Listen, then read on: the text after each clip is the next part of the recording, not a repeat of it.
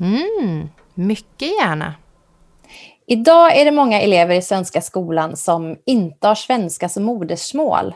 Och de ställs inför en del utmaningar i det att de måste läsa in både ämneskunskaper och det svenska språket samtidigt. Och det här ska vi prata lite mer om i dagens avsnitt. Och med det passar jag på att hälsa välkomna till Mycket gärna. Podden om hur forskning kan användas praktiskt i skolan. Och idag ska vi alltså då prata mer om att lära sig på andra språk. Och vi som är här idag, det är jag, Betty Tärning. Jag är kognitionsforskare vid Lunds universitet. Och med oss på länk har vi också Kalle Palm och jag är gymnasielärare i fysik, filosofi och matematik. Men jag har en bakgrund i kognitionsvetenskap också. Mm, och vi har också med oss Eh, Björn Sjödén, jag är lektor i utbildningsvetenskap vid Högskolan i Halmstad, men har också en bakgrund i kognitionsvetenskap här i Lunds universitet. Mm.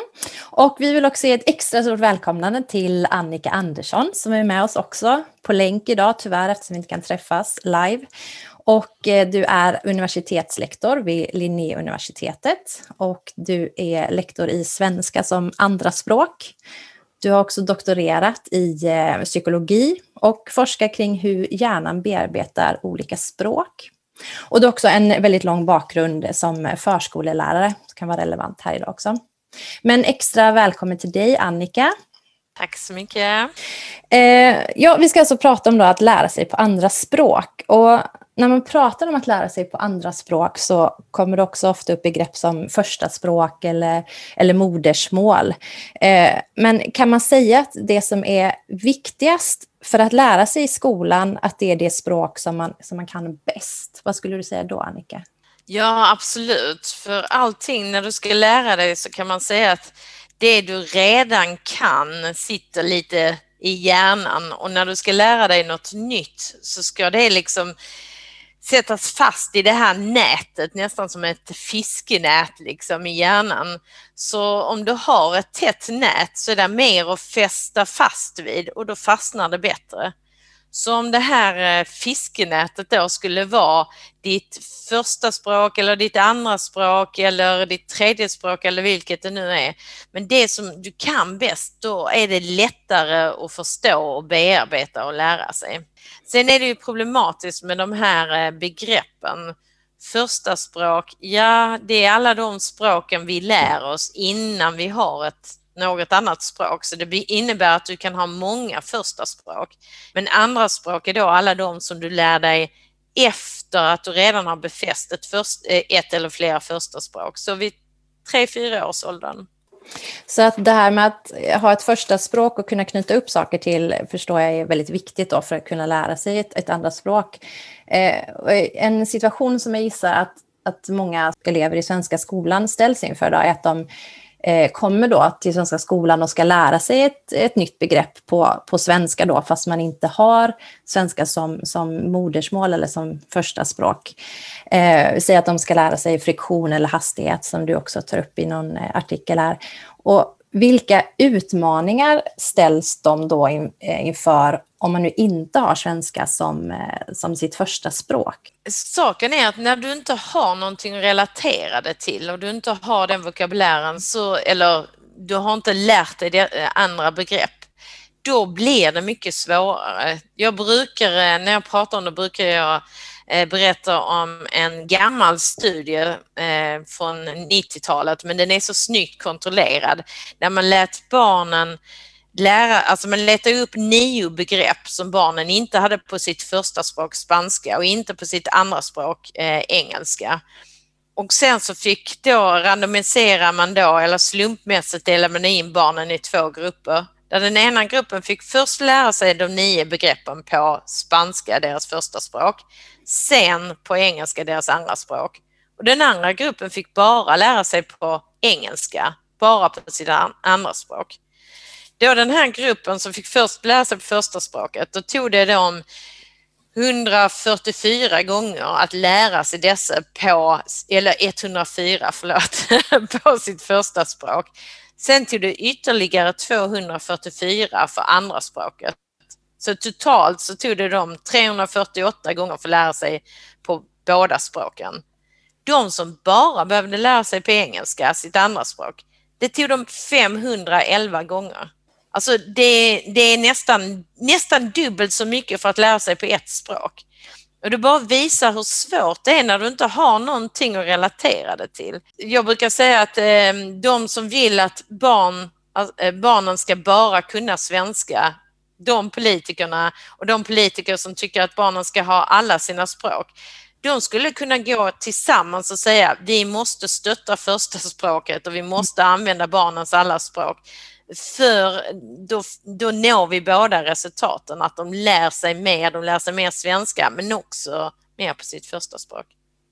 Jag, Björn, skulle vilja eh, passa på med en fråga apropå detta. För jag pratade ju om en situation där man alltså ska lära sig både språk och ett ämnesinnehåll samtidigt, eller hur? Mm -hmm. Ett begrepp och, och dess språkliga motsvarighet. Eh, det jag funderar över är att eh, det väl ändå måste vara skillnad mellan olika ämnen här. Jag tänker att vissa ämnen alltså skulle vara mer språkberoende än andra. Jag skulle vilja höra både vad, vad du och Kalle som är lärare tänker om detta. Om jag tar som exempel matematik i förhållande till fysik eller ännu mer eh, historia eller litteratur eller så. Så har vi i matematiken exempelvis ett, ett matematiskt språk som väl ändå är ja, icke-verbalt i den bemärkelsen att det är, det är liksom symboler och man kan visualisera, det är diagram och det är samband som man ska förstå. Spelar det någon roll? Finns det anledning att tro att man till exempel lär sig då differentialekvationer på ett annat sätt än man lär sig friktion i det här fallet? För det första så vet vi inte riktigt eh, det här med matematiken och så. Det är en studie som jag har bett i Eh, jobbat tillsammans med Agneta Gulsi där vi testar just det här om vi ska lära dem på första språket eller andra språket när det är matematik. Och väldigt grundläggande begrepp håller vi på med för att det är på förskolan. Men det är så här också att även när vi tittar på matematiken så är det ofta sånt som man har lärt sig väldigt tidigt. Att räkna upp till 10 eller räkna upp till 100, det lär man sig väldigt tidigt även de som är väldigt högt presterande och är duktiga på ett språk, som till exempel vi alla är på engelska, så ska vi räkna någonting snabbt, även om vi ska bara räkna hur många ärtor där är på tallriken. Om vi skulle sitta vid ett matbord och prata engelska, vi skulle snabbt räkna hur många det var, så skulle vi förmodligen svänga över till svenska för att det har vi tränat så, så bra så att det rullar på mycket lättare i det språket. Så det skulle då säga att även om eh, matematik inte är eh, språkligt knutet kanske på ett vis så är det en viss träning som vi har gjort så att det är automatiserat där. Sen är det en annan del också i det, det är att i vissa språk så är siffrorna lättare uppbyggda.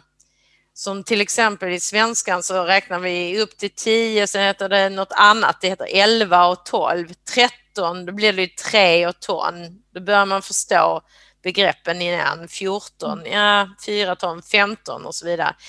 Men om vi jämför hur barn lär sig matematik på svenska och kan multiplicera och så med de svenska begreppen så har de svårare än vad barn till exempel från vissa asiatiska språk som kinesiska där eh, siffrorna, alltså 11 om jag kommer ihåg rätt nu så heter det liksom 10-1. Eller 1 mm. alltså det är mycket en tydligare, ett bättre koncept liksom. Så att där har man redan förstått, det här är tiotalet, det här är entalet, det är lätt att förstå så de har en favör för den, liksom för att språket gör det lättare att räkna. Jag tänker också att det finns en skillnad att, eh, mellan alltså, hur de själva övar på, på matematiken och hur man undervisar matematiken. För att när man undervisar matematik så är det fortfarande ganska så språkligt. Man måste förklara saker med ord, man måste koppla samman det och man ska ta verkliga exempel och så vidare. Men när de sitter själva med sin aritmetik och försöker få ihop den så eh, då sitter ju de inte och tänk, behöver tänka på svenska utan då kan man ju tänka hur som helst. Och där är också lite så att ofta så behöver barnen viss stöd av föräldrar också för att liksom kunna räkna och träna detta hemma. Och om man då gör det bara på svenska, då blir det svårare för föräldrarna att ta del.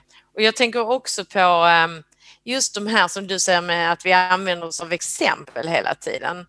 Eh, jag, jag trodde aldrig att det var så viktigt förrän jag faktiskt tog en matematikkurs med en gammal väninna till mig som inte kunde räkna eh, speciellt bra och, och hon fastnade i det här med att ja, men jag, jag, jag kan inte räkna arean av en fotbollsplan. Jag har ju aldrig spelat fotboll.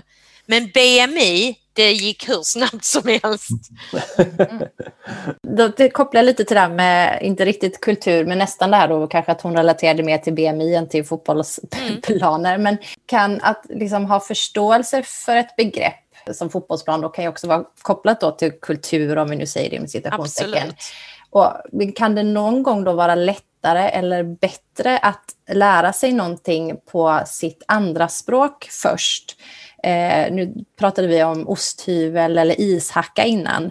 Säg att du kommer till exempel från ett jättevarmt land där det inte finns is eller du har inte liksom, begreppet för ishacka. Eh, och så ska du komma hit och lära dig det. Kan det då eh, skulle du säga att det ändå, eller här att det kan vara bättre att först då kanske lära sig på svenska eller är det ändå liksom alltid bäst att börja med sitt modersmål även fast det konceptet inte finns här?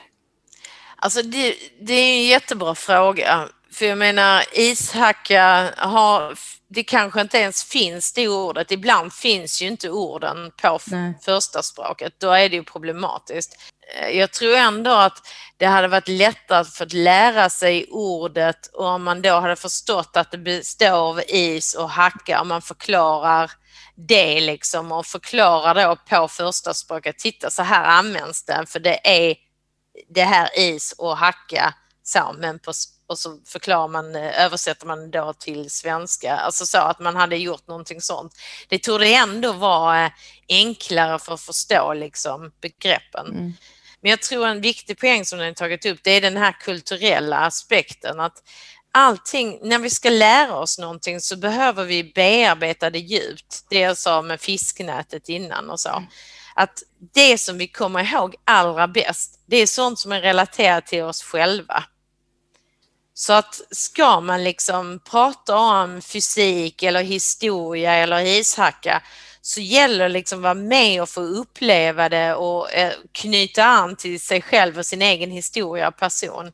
Då kommer vi ihåg det bäst. Så där gäller det ju också att förutom språket också knyta an till hur det ser ut i hemmet eller vad man pratar om hemma. Jag tänker att det är närmast en språkfilosofisk fråga också som vi inte hinner lösa här, men det är ju den här relationen mellan begrepp och språk. Alltså har vi till exempel ett begreppsligt tänkande som är oberoende av språk eller inte. Och det är många som ägnat sig eh, åt att försöka reda ut. Men det, jag tycker att problematik i detta när vi pratar om det är ju samtidigt att språket också är det verktyg som vi använder för att få kunskap om språket. Och då, då låser vi in oss själva lite grann diskussion.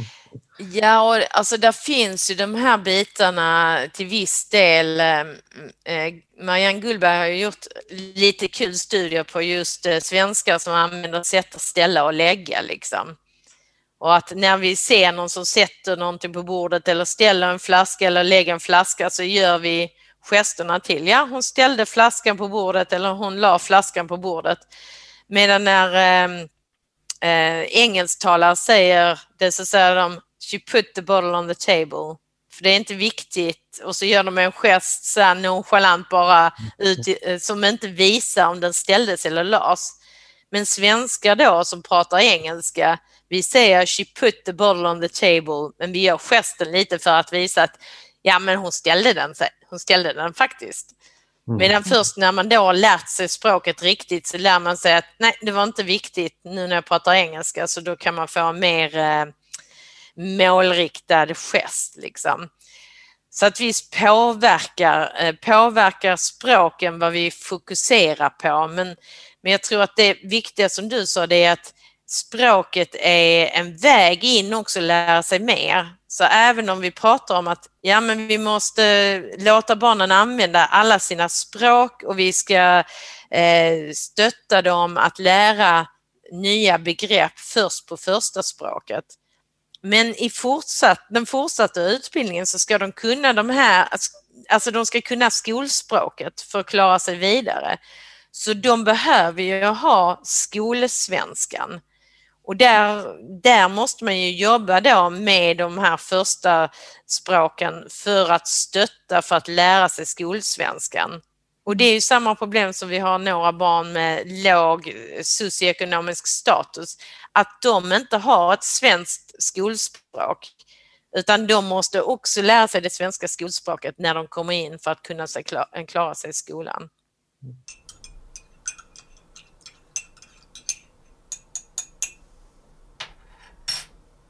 Lär du dig många språk så ska det inte vara, är det inte svårare för dig än att lära dig ett språk?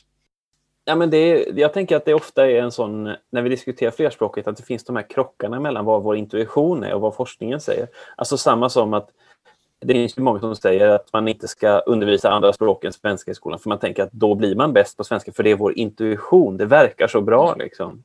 Ja precis, men samtidigt, alltså jag brukar ta exemplet med eh, alltså, gymnastikläraren eller idrottsläraren som säger ja nu denna terminen så ska vi spela basket, så nej, nej, nej, spela inte fotboll, inte handboll, du kan inte hålla på med innebandy, det kommer att bli jätterörigt. Mm. Alltså där ser vi att, ja men vilket bollsinne du får. För genom att spela innebandy så vet du var du ska ställa dig så att då står du på rätt ställe på basket också. Och handboll och basket kommer verkligen komplettera varandra. Du kommer verkligen bli en, jättebra på handboll eftersom att du spelar basket. För du vet om hur du ska hoppa eller whatever. Men vi gör språken till något väldigt komplicerat. Mm. Ja, jag kommer att tänka på en till sak också. Med, vad heter det? Alltså med eh, den här pedagogiska teorin, variationsteori, som ju mm. säger att eh, ju mer man vad det, varierar ett ämnesinnehåll, alltså mm. tar upp olika aspekter av det, desto större förståelse får man av det. Eh, alltså ungefär som i ditt handbolls och basketexempel. Ja. Mm. Då borde det vara så att ju fler språk man liksom undersöker samma ämne från, ju bättre förståelse jag tror absolut när du är uppe i den äh, åldern liksom med gymnasieeleverna när mm. de redan har lärt sig vissa grejer mm. på svenskan så kommer vissa grejer kommer de kanske ha lättare att förstå på svenska medan andra grejer förstår de bättre på första språket. Mm. Absolut. Mm. Jo, okej, okay. men Annika, jag undrar, har du något, eh, något tips, någonting eh, som man borde tänka på som eh, gymnasielärare som, eh, eller för gymnasielärare som undervisar elever som inte har svenska som första språk. Vad, vad, är, vad är det viktigaste att ha med sig? Liksom? Jag tror att eh, just ju äldre elever man har så blir det Vissa delar blir svåra. På förskolan så är det lätt till exempel att träffa föräldrarna och se till att de får veta vad barnet jobbar med och man kan liksom lättare se till att föräldrarna kan stötta barnen och, i den här djupa bearbetningen på första språket. Och där måste man ju tänka på, på gymnasiet, hur ser vi till att föräldrarna också blir del av detta? Och en bit är ju igen att jobba med att lära sig begreppen på första språket också. Förutom att man lär sig det snabbare då på andra språket svenska så har man också möjligheten att diskutera det här med föräldrarna. Det blir en extra stor utmaning med de som är ensamkommande då, som inte har sina föräldrar utan som bor på något annat sätt. Absolut, och där måste man tänka på, ja vad, vad, finns det då för andra? Är de flera ungdomar då eller eh, tonåringar? Och du pratade innan om, får de lov att prata språk, alltså det här första språket i klassrummet och låta dem göra det och kanske till och med låta dem göra hemuppgiften eh, tillsammans på det språket för att sen liksom i skolan eh, forma om det till svenska. Då tror jag att de hade lärt sig begreppet och också hade kunnat lära sig på eh, svenska sen också för de hade fått visa också att de hade redan förstått. Och här kommer jag att tänka på ytterligare en utmaning bara för att göra det svårare för dig Annika. Här. Eh, nämligen att det finns en ganska stor eh, eh, grupp nyanlända som inte bara då saknar kunskaper i svenska utan de kanske inte ens kan läsa.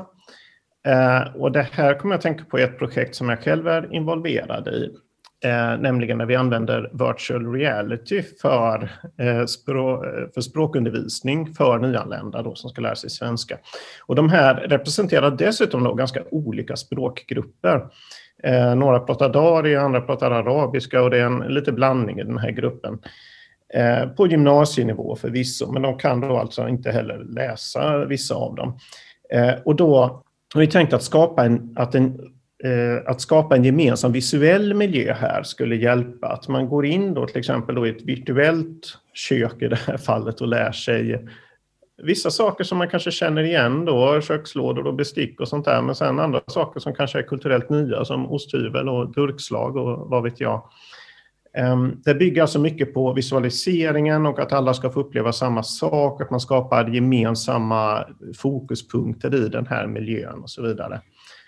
Ehm, finns det något särskilt där man kan tänka på vad gäller kontextualisering och visualisering för att det här ska fungera?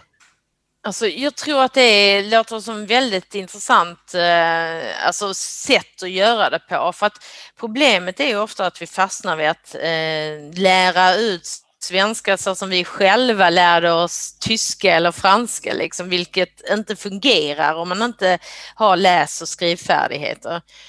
Sen ytterligare en sak där är ju att det här är ju inte oberoende av undervisningsstrategi. Det ska man ju inte glömma bort. Att det är ju alltid så att ett, ett verktyg är ju beroende på hur väl det används och i en god lärares händer så kan allting fungera bra. Eh, men det är väl just det här att, att kunna identifiera vad det är man behöver tänka på då, att man är med och konstruerar, att man har en, en deltagande och en gemensam aktivitet. Det, det är någonting som jag tror alla kan ta med sig.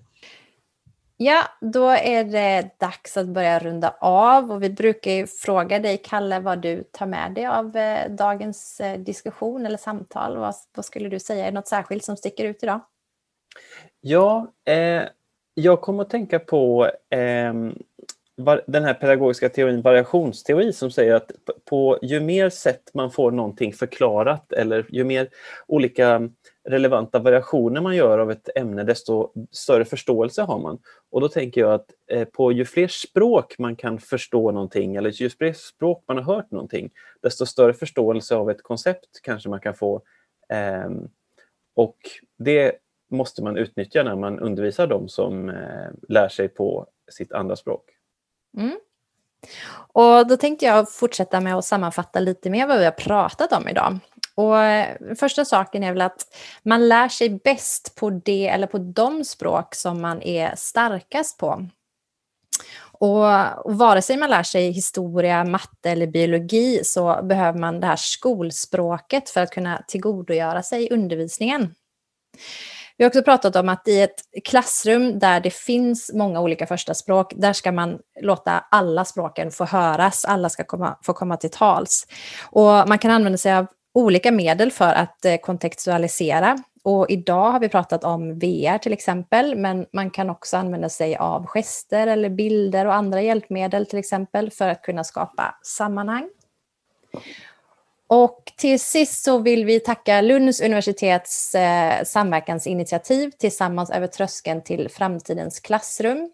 Och också ett särskilt tack till Annika såklart som ville ställa upp och eh, vara med här idag. Ja, tack för att jag fick vara med. Jättekul.